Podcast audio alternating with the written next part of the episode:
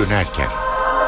İyi akşamlar ben Öykü Özdoğan eve dönerken haberlerle karşınızdayız. Saat 18 itibariyle öne çıkan haberlerin özetiyle başlıyoruz. Dünyanın gözü Suriye'de. Birleşmiş Milletler heyeti kimyasal saldırının gerçekleştiği bölgeye giderken heyete ateş açıldı ancak grup geri adım atmadı ve yaralılarla görüşmeye başladı. Batı başkentlerinde operasyon kelimesi artık telaffuz edilir oldu. Dış merkezlere yapacağımız canlı bağlantılarla son durumu aktaracağız. Nefret suçu işleyene ceza kapıda. Hükümet demokratikleşme paketine nefret suçlarını da dahil etti. Psikolojik sınır yıkıldı. Dolar 2 lira bandını bugün de aştı.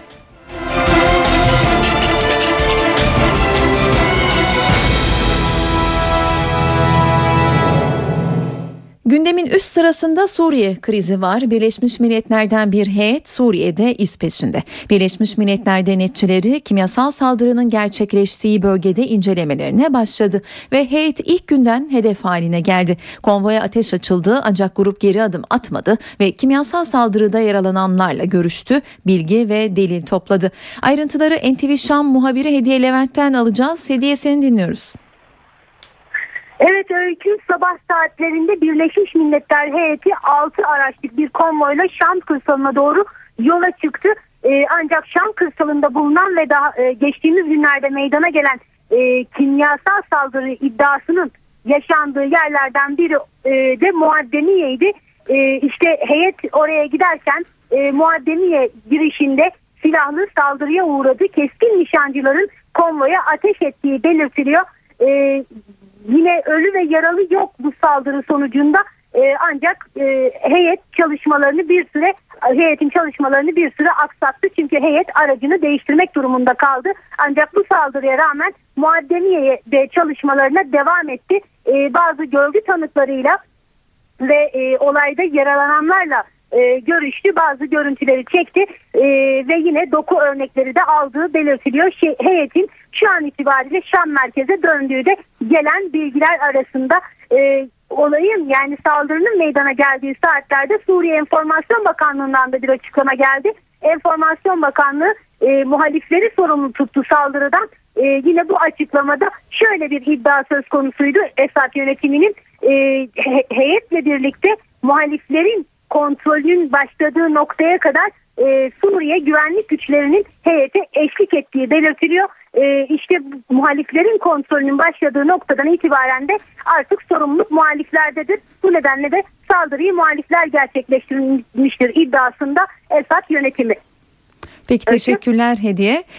NTV Şam muhabiri Hediye Levent hattımızdaydı. Suriye krizinde rüzgar tersine dönüyor. Bugüne dek operasyon ihtimaline soğuk bakan Amerika Birleşik Devletleri artık bu seçeneği gündemine aldı. Çok boyutlu bir hareketlilik söz konusu. Washington'da hesap kitap çalışması başladı. Ürdün'de ise batılı ülkelerin genelkurmay başkanları toplandı. NTV New York temsilcisi Selim Atalay'ı dinliyoruz. Amerikan yönetimi pazartesi gününe günlük briefingiyle başladı. Beyaz Saray'da e, Başkan Obama ve Başkan Yardımcısı Biden günlük briefingi almaya başladılar. Bu rutin program gereği ve de e, işte bu başlıklarda mutlaka Suriye'deki son gelişmelerde vardır.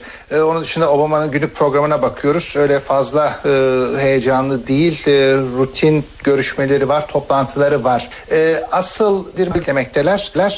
E, e, e, bölgenin şu noktada Birleşmiş Milletler Genel Sekreterinin de e, Kore'den açıklamaları var. E, geç kalmış olabiliriz. Her saat değerli. Çok zaman geçti şeklinde. E, Birleşmiş Milletler tarafında şimdilik bekleme ve e, denetçilerin e, operasyonunun sonucunu alma çabası var. Fakat e, Güvenlik Konseyi tarafı e, malum halen kilitli bir gelişme yok. Amerikan yönetimi ne yapıyor? Amerikan yönetimi bol miktarda telefon diplomasisi yapıyor. Bu harekat planları konusu daha önce de gündeme gelmişti. Amerika'nın baştan beri seçenekleri var. Bu seçenekler askeri kanat tarafından başkana zaman zaman güncelleştirilerek veriliyor. E, başkana sunulan seçenekler onun tercihine bağlı. Diğer birimlerden de gelen değerlendirmelerle başkan bir karar verecek. Ancak henüz bu aşamada değil. Karar için ne gerekli? Karar için önce e, işte Genelkurmay Dışişleri, istihbarat vesaire ve başkanın bir karar alması gerekiyor. Bunların etkileyecek faktörlerden bir tanesi iç siyaset, kongre e, faktörü var. Kongreden e, şimdiye kadar e, harekata girişmeyelim e, kesinlikle kabul edilmez diyen bazı kongre üyeleri şimdi tavır değiştirmeye başladılar. Amerika'nın yanı sıra yaşlı kıta Avrupa'da da kıpırdanma emareleri görülüyor. Fransa Dışişleri Bakanı Laurent Fabius kritik açıklamalar yaptı. O açıklamada neler dendiğini NTV Strasbourg muhabiri Kayhan Karaca'dan dinleyelim. Fransa'da demeçlerin tonu yükseliyor. Hatta e, Fransa en sert demeçleri veren ülkelerin başında geliyor. Hatta belki de en sert demeç veren ülke de diyebiliriz. Laurent Fabius bu sabah çok sert bir açıklama yaptı yine ve daha Birleşmiş Milletler denetçilerinin raporları gelmeden kimyasal saldırının mimarının Esad rejimi olduğunu bir kez daha açıkladı. Ben bundan kesinlikle eminim. Bu saldırıyı gerçekleştiren Esad rejiminin kendisi dedi. Dün de e, Cumhurbaşkanı e, François Hollande, Fransa Cumhurbaşkanı Hollande benzer bir açıklamada bulunmuştu. Hollanda'ın ve Fabius'un diplomasi trafiği olağanüstü yoğun biçimde e, devam etmekte son bir haftadır özellikle. Hollanda dün e, Başkan e, ABD Başkanı Obama ile bir telefon görüşmesi yaptı. Bu görüşme sonrasında yapılan açıklamada Hollanda'nın ABD lideri Obama'ya Amerika Birleşik Devletleri'nin Suriye'deki kriz konusunda askeri bir harekat durumunda Amerika Birleşik Devletleri'nin yanında Fransa'nın yer alacağı konusunda kendisine Obama'ya güvence verdiğini bildirdi. Cumhurbaşkanlığı Başkanlık Sarayı'ndan yapılan açıklamada. Öte yandan Fransız basını da e, Fransız Genel Kurmayı'nın olası bir askeri harekat konusundaki askeri planlarının hazır olduğuna dair haberler veriyor bu sabahtan bu yana. Özellikle e, nokta vuruşlar konusunda Fransa'nın planlar yaptığını e, belirtmekte e, Fransız uzmanlar. Havadan belirli hedeflerin vurulması, muhaliflerin e, daha da silahlandırılmaları ve uluslararası yaptırımların daha da yoğunlaştırılması bu saatten itibaren gündemde masada tartışılmakta diyor artık bütün uzmanlar burada. Öte yandan yine Fransa Dışişleri Bakanı Laurent Fabius cevapsız kalmayacak bu kimyasal saldırı şeklinde bir açıklama yaptı biraz önce yine. En kısa sürede de cevap verilecek dedi. Fransız uzmanlar bu cevabın bu cevabın bir hafta içinde en geç gelebileceğini belirtiyorlar. Bu tahminlerde, öngörülerde bulunuyorlar. Öte yandan bir de Almanya'dan bugün çok ilginç bir açıklama geldi. Almanya bugüne kadar Suriye e, krizi konusunda e, sessizdi. E, her ne kadar Başkan Başbakan Merkel soruna siyasal çözüm bulunması gerektiğini ifade etse de Almanya Başbakanlık söz Başkanlık söz, hükümet sözcüleri bugün yaptıkları açıklamalarda BM'nin denetçilerinin kimyasal silahların ulusal Suriye'deki muhalif güçlere karşı kullanıldığının kanıtlanması halinde Almanya'nın da uluslararası bir askeri operasyona destek vereceği şeklinde bir açıklamada bulundular. Almanya Dışişleri Bakanı Guido Westerwelle de benzer bir açıklama yaptı ve kimyasal silah kullanılmasının insanlık suçu olacağını ve Almanya'nın buna seyirci kalamayacağını açıkladı. Batı bu kez kararlı gibi görünüyor ancak Rusya Birleşmiş Milletler'in bypass edilerek alınacak kararın meşruiyeti olmayacağını uygulamayla uluslararası hukukun çiğneneceği görüşünde. Rus Dışişleri Bakanı Sergey Lavrov batılı ülkelerin Suriye'ye müdahalede bulunması halinde ise Rusya'nın hiçbir ülkeyle savaşa girmeyeceğini kaydetti.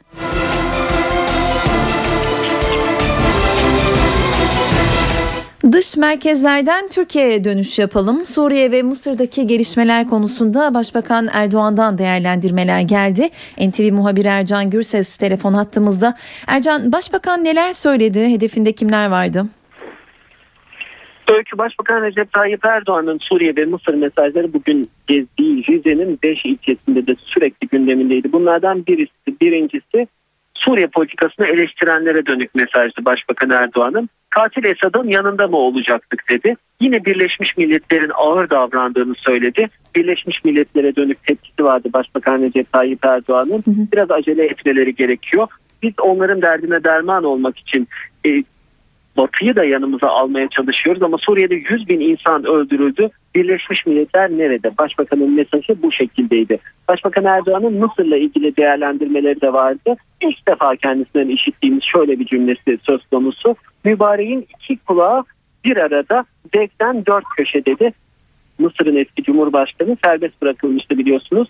Sisi yani Mısır'ın şu andaki lideriyle bir araya geldiğini, dayanışma halinde olduğunu söyledi başbakan. İfadesi şöyle. Firavun payidar oldu mu? Hiçbir zaman olmadı. Nemrud'un işine her zaman bitiren bir şey vardı. Bir zaman bir sinek bitirmişti. Şimdi bir Musa bitirecek. İnşallah bunların Musa'ları yakındır. Başbakanın ifadesi bu şekilde. Başbakan Erdoğan'ın uluslararası topluma mesajlarının olduğu böylesi bir ortamda zaman zaman Rize'nin Ayder Yaylası'na çıkarken telefon görüşmeleri yaptığını da öğrendik. Hollanda Başbakanı Rutte ile Başbakan telefonda görüştü ve Mısır'da bir an önce uluslararası çabalarla birlikte, baskıyla birlikte bir hükümetin kurulması, serbest seçimlerin yapılmasını istedi. Suriye'de de Birleşmiş Milletler'in harekete geçmesi için Hollanda'nın da baskı yapması Başbakan Erdoğan'ın istekleri arasındaydı. Erdoğan Suriye ve Mısır'a dönük mesajlarını Rize'nin 5 ilçesine verdi. Telefon diplomasisine de devam etmekte. Şu sıralarda da yeni bir haber gelebilir bu yönde öykü. Teşekkürler Ercan. NTV muhabiri Ercan Gürses, Başbakan Erdoğan'ın değerlendirmelerinden notları aktardı. Türkiye Büyük Millet Meclisi Mısır ve Suriye'de yaşananlara uluslararası toplumun dikkatini çekebilmek için harekete geçiyor. Meclis Başkanı Cemil Çiçek, dünya parlamentolarına iki ülkedeki krizin aşılması için mektup gönderileceğini söyledi. Parlamentolara, bu uluslararası parlamenterler e, asamblelerine Türkiye Büyük Millet Meclisi Başkanı olarak bir mektup yazmaya karar verdim. Bu mektubu bu hafta içerisinde göndermiş olacağız. Parlamentoların hassasiyet göstermeleri ve bu konuyu kendi kamuoylarında, kendi parlamentolarında gündeme alıp değerlendirme yapıp e, hükümetleri bu yönde yönlendirmeleri şeklinde e, olacaktır. Amerika Birleşik Devletleri Avrupa Konseyi Parlamenterler Meclisi Başkanı Avrupa Birliği ve Avrupa Konseyi üye ülkelerin parlamento başkanları, Avrupa Parlamentosu Başkanı, Türkiye'nin üyesi olduğu uluslararası bölgesel örgütlerin parlamenter asamble başkanları, AGİTPA, NATOPA, PAP, İSİPAP gibi kuruluşlara da bu mektuptan birer nüsa göndermiş olacaktır. Türkiye Büyük Millet Meclisi olarak gelişmeyi yakından izliyoruz. Nitekim darbenin hemen akabinde yaşanan üzücü olaylardan sonra Türkiye Büyük Millet Meclisi İnsan Hakları İnceleme Komisyonu Mısır'da yaşanan insan hakları ihlalleri iddialarını bu ülkede araştırmak üzere Dışişleri Bakanlığı vasıtasıyla Mısır makamlarından talepte bulunmuştur. Ne yazık ki verilen cevapta bu talep olumsuz karşılanmıştır. Dışişleri Bakanı Ahmet Davutoğlu Birleşmiş Milletler müeyyide kararı almaz ve Suriye'ye karşı koalisyon oluşursa Türkiye'de bu koalisyon içinde yer alır dedi. Açıklamaya muhalefet tepki gösterdi. Dışişleri Bakanı Davutoğlu alabildiğine bir sorumsuzluk içinde savaş çığırtkanlığı yapmakta. Bu ifadeyi kullanmak Ahmet Davutoğlu'nun harcı değildir. Sen kim oluyorsun? Muhalefet tepkili. Tepkinin hedefinde Dışişleri Bakanı Ahmet Davutoğlu'nun Suriye'ye karşı bir koalisyon oluşursa Türkiye'de bu koalisyonda yer alır sözleri var. Birleşmiş Milletler Güvenlik Konseyi kararı olmadan Suriye'ye herhangi bir müdahale bir yangına dönüşür, bölgesel bir felakete dönüşür. Böyle bir müdahaleye karşı olduğunu açıklayan bir Rusya var. Böyle bir müdahaleye karşı koyacağını belirten bir İran var. Cumhuriyet Halk Partisi olarak bütün bu faktörleri dikkate alarak diyoruz ki ayağımızı denk alalım. Muhalefetten ilk tepki CHP Genel Başkan Yardımcısı Faruk Loğlu'ndan geldi. Loğlu'nun ardından MHP'li Vural konuştu. Davutoğlu'na meclisin yetkisini hatırlattı. Yurt dışına asker gönderme, buralarda asker bulundurma yetkisi Türkiye Büyük Millet Meclisi'ne aittir. Sen nasıl oluyor da Türkiye Büyük Millet Meclisi'nin vermediği bir yetkiyi müdahale amacıyla bir koalisyon amacıyla kullanabileceğini söylüyorsun? Her iki muhalefet temsilcisi de Suriye'ye müdahaleye Türkiye'nin de destek vermesinin meclisten yeni bir tezkere çıkartılarak olabileceği görüşünde. Mutlak surette Türkiye Büyük Millet Meclisi'ne getirilmesi e, gerekir. Meclise bu konuda bir öneri gelirse Milliyetçi Hareket Partisi Türkiye'nin milli menfaatleri doğrultusunda e, bu meseleye e, bakış açısını ortaya koyacaktır. Saat 18.16 ben Öykü Özdoğan eve dönerken de günün öne çıkan gelişmeleriyle yeniden karşınızdayız. Nefret suçunun artık müeyyidesi olacak. Yeni demokratikleşme paketiyle nefret suçları da Türk Ceza Kanunu'na giriyor. Din, ırk, etnik köken, siyasi görüş ve cinsiyet ayrımcılığı yapan cezalandırılacak. Nefret suçlarına ceza yolda. Yani nefrete dayalı söylemde bulunan cezasını çekecek. Cinsiyet, ırk, renk, dil, din, inanç, etnik köken, felsefi ve siyasi görüş, sosyal statü, medeni hal, sağlık durumu, engellilik ve benzeri temellere dayalı ayrımcılık yasaklanacak. Başbakan Recep Tayyip Erdoğan'ın Eylül ayının ilk haftasında açıklaması beklenen demokratikleşme paketine nefret suçları da dahil edildi. Nefret suçları Türk Ceza Kanunu'na girecek. Buna göre ceza kanununda nefret suçunun tanımı yapılacak ve ilgili maddelerinde verilecek cezalar belirlenecek. Ayrımcılık iddiaları oluşturulacak ayrımcılıkla mücadele ve eşitlik kurulu tarafından incelenecek ve sonuca bağlanacak. Kurul ayrımcı uygulamanın etki ve sonuçlarının ağırlığı oranında 1000 liradan 500 bin liraya kadar idari para cezası uygulayabilecek ve ayrımcı uygulamalarla ilgili suç duyurusunda da bulunabilecek. Polis ve jandarmanın uyguladığı ayrımcılık iddiaları İçişleri Bakanlığı Müsteşarı Başkanlığı'nda kurulacak kurul tarafından denetlenecek. Şikayetler bu kurul tarafından incelenerek karara bağlanacak. Eskişehir'deki gezi eylemleri sırasında dövülen ve sonrasında gittiği hastanede bir şeyin yok denilerek gönderilen Ali İsmail Korkmaz soruşturmasında yeni bir gelişme yaşandı. Eskişehir Valiliği Ali'ye ağrı kesici verip gönderen doktor hakkında soruşturma izni vermedi. Avukatı sevk edildiği Yunus Emre Devlet Hastanesi'nde Ali İsmail Korkmaz'ı müşahede altına almayan doktor ve ifadesini almayarak başka bir polis merkezine yönlendiren polis memuru hakkında suç duyurusunda bulundu. Eskişehir Valiliği görevlerini ihmal ettikleri iddia edilen kişilerin memur olmaları nedeniyle soruşturmaya izin vermedi. Avukat Gürkan Korkmaz karara itiraz edeceklerini söyledi. Ankara Büyükşehir Belediyesi ODTÜ ormanından bağlantı yolu geçirilmesini istedi. ODTÜ'lü öğrenciler ve mahalle sakinleri ayağa kalktı. Ormandan yol geçmesi halinde çok sayıda ağaç kesileceğini belirten protestocular çalışma durana kadar eylem yapmaya kararlı. Gruba CHP İstanbul Milletvekili Mahmut Tanal da destek verdi. Ankara Büyükşehir Belediyesi'nin Anadolu Bulvarı'nı Konya yoluna bağlayacak yol inşaatına yönelik eylem devam ediyor. CHP'li Tanal şantiyeye gelerek inşaatta çalışanlar için gerekli güvenlik önlemi alınmadığını belirtti. Ardından polise şikayette bulundu. Burada gördüğümüz kadar e, buraya konulan levha formaliteden öteye gitmiyor. İş güvenliği açısından siz de gerekli olan yerlere lütfen talimatı verin. Tutanak tutun bu şekilde çalışılmaz. Mahmut Tanal iki günden bu yana oturma eylemini sürdüren ODTÜ'lü öğrenciler ve 100. yıl sakinlerini de ziyaret etti. Eylemciler inşa edilecek 8 şeritlik yolla binlerce ağacın ve mahallelinin yaşam hakkının yok edileceği görüşünde. Bu yoldan geçecek kamyon gürültüleri, bu yoldan geçecek tır gürültüleri, buradan geçecek 40 bin aracın gürültüsü. Bizim şu an evlerimizde oturup yaşama hakkımızı engelleyecek. Ankara Büyükşehir Belediyesi ise bir açıklamayla iddiaları yalanladı. Büyükşehir Belediyesi yolun çok az bir kısmının ODTÜ arazisinden geçtiğini belirtti.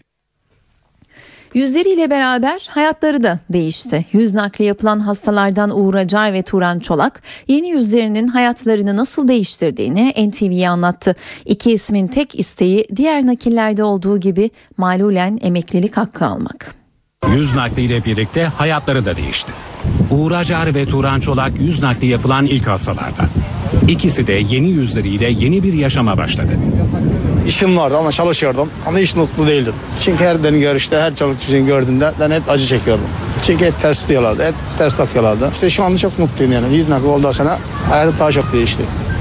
Acar ve Turan artık yeni bir hayata merhaba dedikleri Antalya'da yaşıyor. Konyaaltı sahili ikisinin de en çok vakit geçirdiği yerlerde. Karşılaşmak da benim için çok sürpriz oldu açıkçası. Ee, yani harika yeni bir e, insan var karşınızda ve yani baktığınız zaman da gerçekten e, müthiş mucize bir şey. İki genç boş vakitlerinde organ bağışının bilinçlendirilmesi için organizasyonlara katılıyor. Nakil sonrasında ilaç kullanımına da devam ediyorlar. Diğer organ nakillerinde olduğu gibi onlara da mağlulen emeklilik tanınmasını istiyorlar.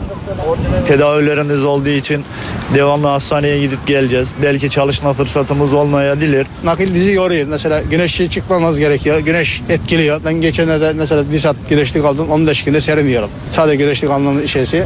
Bu mahalle emeklilik bizi de olursa biz de memnun oluruz. Akdeniz Organ Nakli Derneği de yüz nakli olanların mağlulen emeklilik hakkı kazanması için girişimde bulunmaya hazırlanıyor. Emniyet Genel Müdürlüğü trafikte devrim niteliğinde değişiklikler içeren bir yönetmelik hazırladı. Yeni düzenlemeyle artık alınan ehliyetler ömür boyu geçerli olmayacak ve ehliyetler yeniden sınıflandırılacak. Örneğin 9 ayrı sınıflandırmada verilen ehliyetler yeni düzenlemede 16 sınıfa ayrılıyor. Artık ehliyetler ömür boyu geçerli olmayacak. 9 ayrı ehliyet sınıfı 17'ye çıkarılacak. Emniyet Genel Müdürlüğü trafikte devrim niteliğinde değişiklikler içeren bir yönetmelik taslağı hazırladı. Taslak ehliyetler için yeni sınıflandırma sistemi getiriyor. Yürürlükteki mevzuata göre A1, A2, F, H, B, G, C, D ve E olarak sınıflandırılan ehliyetler rafa kalkıyor. Avrupa Birliği ile uyum kapsamında getirilecek yeni sistemde ehliyet sınıfları A1, A2, A, B1, B, BE, C1, C1E, C, CE, D1, D1E, DE, F, G ve K olmak üzere 17'ye çıkıyor. Taslağa göre aday sürücüler K sınıfından başlayacak. Düzenleme ile ehliyetler ömür boyu geçerli olmayacak. Bazı sınıflar 10, bazıları da 5 yılda bir değiştirilecek. Yenilenen sürücü belgeleri için harç alınmayacak, sadece belge parası alınacak. Her sınıfta 2 yıllık deneyim aranacak. D ve DE sınıfı ehliyet almak isteyenler en az 24 yaşında olacak. Tasarı trafik cezalarının ödenmesinde taksit dönemi de başlatıyor. Peşin ödeyenlere %25 indirim yapılacak. Bir ay içinde müracaat edilmesi halinde ise 4 taksitte ödeme imkanı getirilecek. Trafik polisleri peşin para tahsilatı yapmayacak. Tasarıyla motorlu bisiklet ve motosiklet kullananlara verilecek M, A1 ve B1 sınıfı sürücü belgeleri için aranan yaş şartı da 17'den 16'ya çekilecek. Dolar psikolojik sınır zorlamaya devam ediyor. Yeni haftanın ilk işlem gününde dolar 2 lirayı gördü. Halkın güvenilir liman olarak gördüğü altında da yükseliş var. Altın son 3 ayın en yüksek seviyesinde. Piyasadaki durumu bir uzmanla konuşacağız şimdi. Piyasa analisti Mehmet Ali Yıldırım Türk telefon hattımızda. Sayın Yıldırım Türk hoş geldiniz yayınımıza. Hoş buldum Öykü Hanım. İyi yayınlar diliyorum. Teşekkürler. Halkın önünü görebilmesi için öngörünüzü almak isteyeceğiz. Dolar ve altının seyri önümüzdeki günlerde ne olur sizce? Evet özellikle dolar son dönemde Merkez Bankası'nın faiz politikası çerçevesinde piyasalarda çok fazla e, e, memnuniyet yaratmamasından kaynaklanan spekülatif bir hareket içinde 2 TL'ye doğru yükselmiş durumda ama bunun temelinde tabii gelişmekte olan ülkelerden e, para çıkışının yabancı yatırımcıların yerel para birimi cinsinden yatırımlarından çıkarak dolara yönelmesinin de etkisi var. Biraz da ay sonuna yaklaşıyoruz.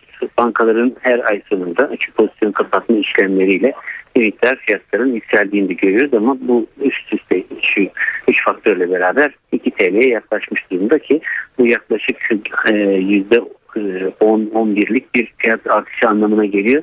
Benzer ülkelerde burası, bu artış daha da fazla. Örneğin Güney Afrika'da %21 oranında Güney Afrika randı dolar karşısında değer kaybetmiş. Bu seviyelerde Merkez Bankası her gün 350 milyon dolar döviz satış ihalesi yapıyor. Bugün de yaptı. Ee, ancak henüz daha ateşi sönebilmiş değil. Ama ay sonuna kadar bu seyir devam edecek gibi görünüyor.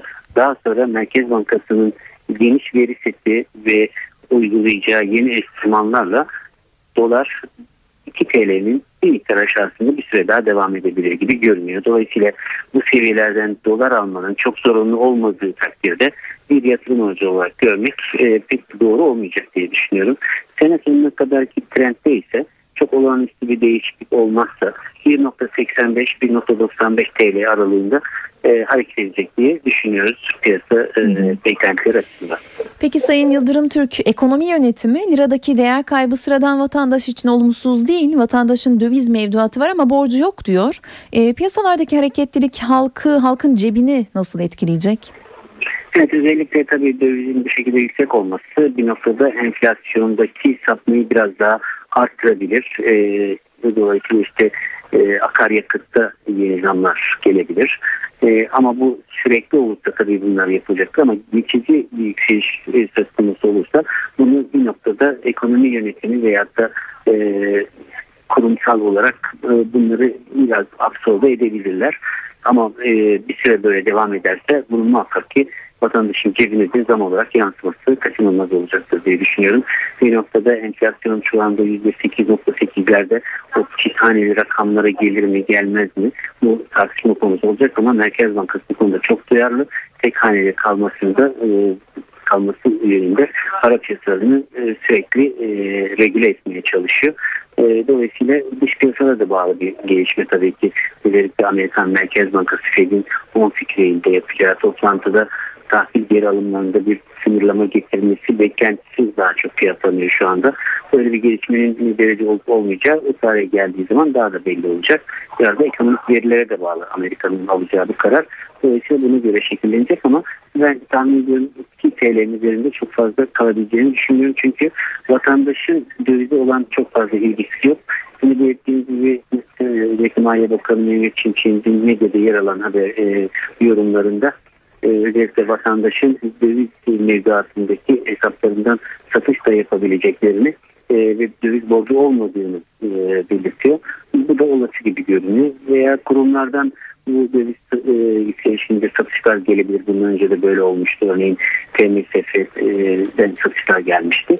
E, dolayısıyla böyle bir e, gelişme var. Ama esas piyasa oyuncularının e, tutumuna bakarsanız e, özellikle e, politika faiz dediğimiz e, haftalık repo faizinde 50 basmanlık bir artış bekliyor, e, artış istiyor. Ve bunu da spekülatif olarak dövizi yükselterek e, bir noktada tetiklemeye çalışıyor. Evet. Ama Merkez Bankası tabii bunu çok fazla e, meydan vermeyecek gibi de görünüyor. Peki çok teşekkür ediyoruz Sayın Yıldırım Türk yayınımıza katıldığınız için. Ben teşekkür ederim yayınlar. Çok teşekkürler. Piyasa analisti Mehmet Ali Yıldırım Türk telefon hattımızdaydı. Sorularımızı yanıtladı. Ağustos'ta açlık sınırı 1020 lira, yoksulluk sınırı ise 3322 lira olarak hesaplandı. Türk İş'in Temmuz ayı araştırmasının sonuçlarına göre 4 kişilik bir ailenin sağlıklı, dengeli ve yeterli beslenebilmesi için yapması gereken minimum gıda harcaması tutarı 1020 lira oldu. Bunlarla birlikte giyim, konut, eğitim gibi gelirlerin toplamı ise 3322 liraya ulaştı. NTV Radyo PKK'nın kolu PEJAK ve İran arasında 23 aydır süren ateşkes bozuldu. İran 2 yıl aranın ardından yeniden PEJAK'la çatıştı. Ülkenin batısında Türkiye-Irak sınırdaki bölgede yaşanan çatışmada 7 İran devrim muhafızı ve 2 örgüt üyesi öldü. İran devrim muhafızları ordusu 2 yıl önce PEJAK'la ateşkese varmıştı. İsrail güvenlik güçleri Batı Şeria'da 3 Filistinliyi öldürdü. Olay Kalan diye mülteci kampında gerçekleşti. Bir Filistinliyi tutuklamak için bölgeye giden güvenlik güçleriyle Filistinliler arasında çatışma çıktı. Yaşları 20 ile 30 arasında değişen 3 Filistinli hayatını kaybetti. 19 Filistinli de yaralandı. İsrail yetkililer 3 polisin de yaralandığını açıkladı. Olayın ardından Filistin yönetimi İsrail'i kınayan bir mesaj yolladı. Sigaraya duyulan bağımlılıktan kurtulmak veya zararlarını azaltmak için dizayn edilen elektronik sigara tıpkı muadili klasik sigara gibi oldukça tehlikeli. Son araştırmada elektronik sigaranın kansere neden olabilecek maddeler içerdiği ortaya koyuldu. Elektronik sigarada kansere neden olabilecek maddeler içeriyor. Fransa Tüketim Ulusal Enstitüsü'nün incelemesi bunu gösteriyor. Enstitü, kısaca e-sigara olarak bilinen ürünlerin de iddia edilenin aksine kansere neden olabilecek maddeler içerdiğini bildirdi. Fransa'da kullanılan 10 değişik elektronik sigara üzerinde yapılan incelemelerde kayda değer oranda kanserojen maddeye rastlandığı açıklandı. Enstitüye göre bu maddeler arasında çeşitli toksik moleküller de yer alıyor. Dahası bu toksik maddelerin varlığı ürün etiketlerinde belirtilmiyor. İnceleme elektronik sigaralardaki oranın kimi zaman klasik sigaralardakilerden yüksek olduğunu da ortaya çıkardı. Dünya Sağlık Örgütü elektronik sigaranın zararları konusunda uyarıda bulunmuş, potansiyel risklerle ilgili incelemeler tamamlanmadan önce tüketicilere kullanmamaları tavsiyesinde bulunmuştu. Fransa'da yaklaşık 1 milyon kişinin düzenli olarak elektronik sigara kullandığı tahmin ediliyor. Bir dönem ringlerde fırtına estiren dünya eski ağır siklet boks şampiyonu Mike Tyson zor günler geçiriyor. Alkol ve uyuşturucu sorunları nedeniyle ölümün eşiğindeyim diyen Tyson yaşama tutunmak istediğini söyledi. Ölümün eşiğindeyim çünkü çok kötü bir alkoliyim. Ayık bir hayat istiyorum. Ölmek istemiyorum.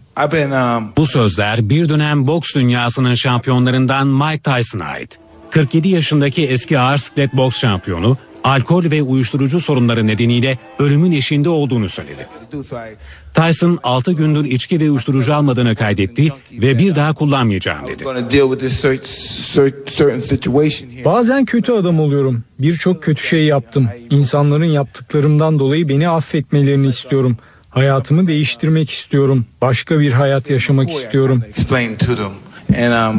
Amerikalı boksör 1987'de 20 yaşındayken ağır siklet şampiyonluğu unvanına sahip olan en genç boksör olmuştu. 5 yıl sonra tecavüzden suçlu bulunan Tyson 6 yıl hapis cezasına çarptırılmış 3 yıl cezaevinde kalmıştı. Cezaevinden çıktıktan sonra tekrar ringe dönen ancak eski formunu yakalayamayan Mike Tyson 2006'da da profesyonel boksu bırakmıştı. Sinema dünyasında şok ayrılık. Dünyaca ünlü İtalyan aktris Monica Bellucci aktör eşi Vincent Cassel'den ayrılıyor.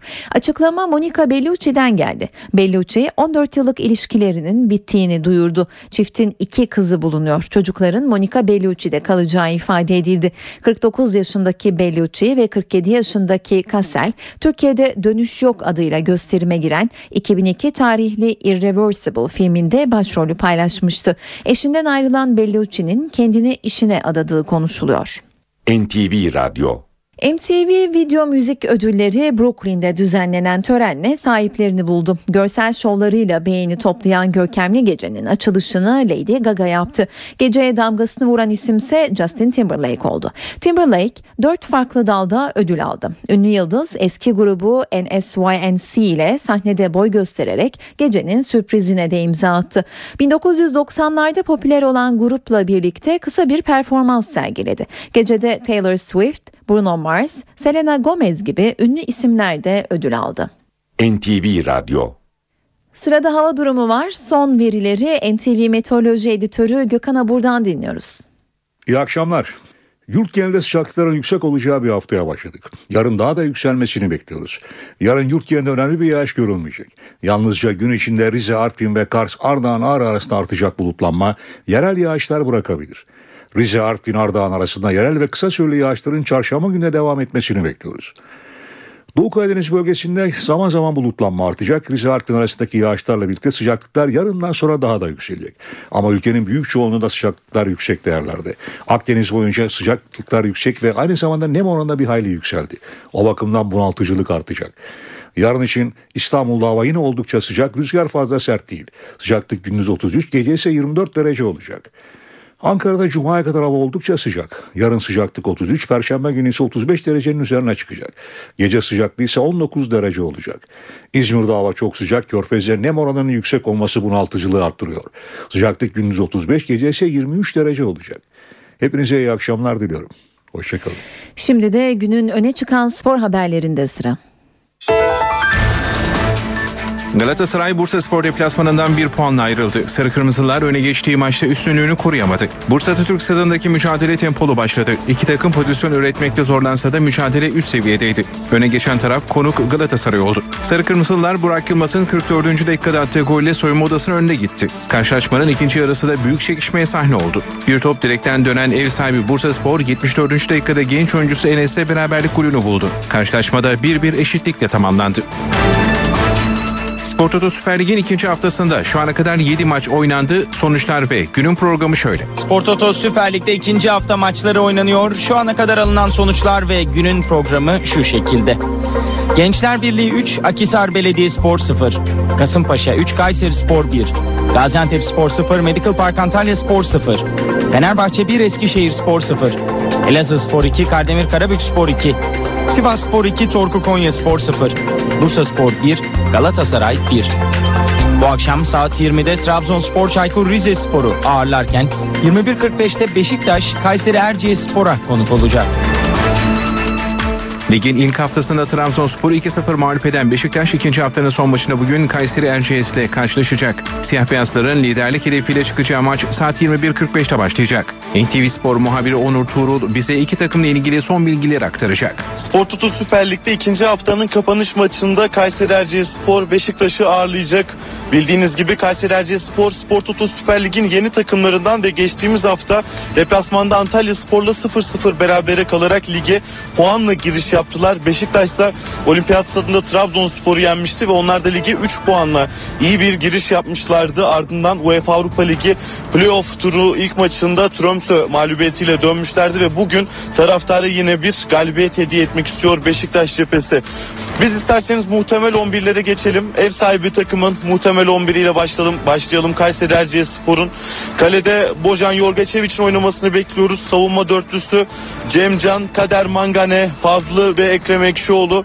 Onların önündeki üçlüde Mancek, Serkan Atak ve Azo Feyfa. Forvet hattındaki üçlüde ise Yasin Öztekin, Björn Blemings ve Hani Sofiane'nin oynamasını bekliyoruz Kayseri Erciyes, Erciyes cephesinde.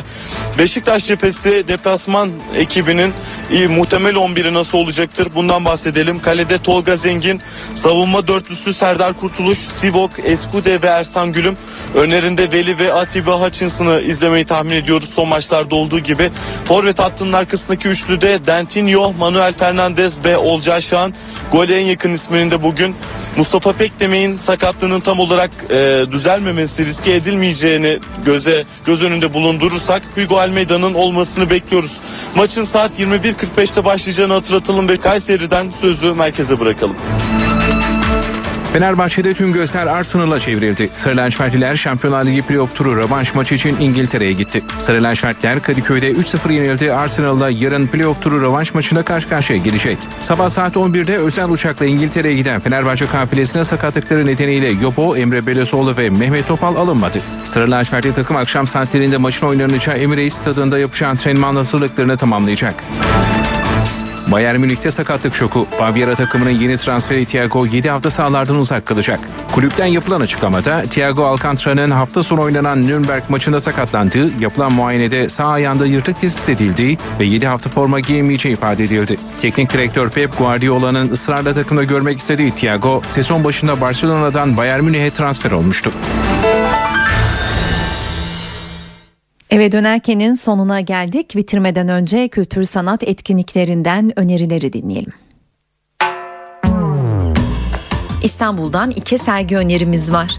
Salt Ulus, modern Türkiye'nin Osmanlı mirasını keşfi Ali Saim Ülgen arşivine ev sahipliği yapıyor. Araştırmacı, mimar ve restoratör Ali Saim Ülgen'in dünyasından yola çıkarak 1960 öncesi Türkiye'sinde kültür varlıklarının durumu ve dönemin restorasyon pratikleri hakkında bir kesit sunan sergi 14 Eylül'e kadar görülebilir.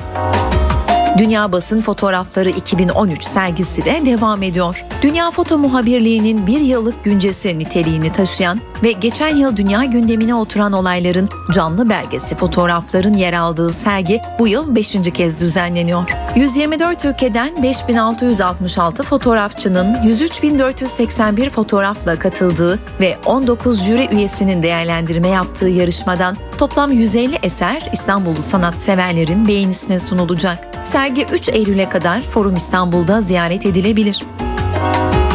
Anadolu Ateşi bugün Marmaris'te sahneye konacak. Gösteriye Marmaris Amfiteyatro ev sahipliği yapacak. Etkinliğin saat 21.30'da başladığını ekleyelim.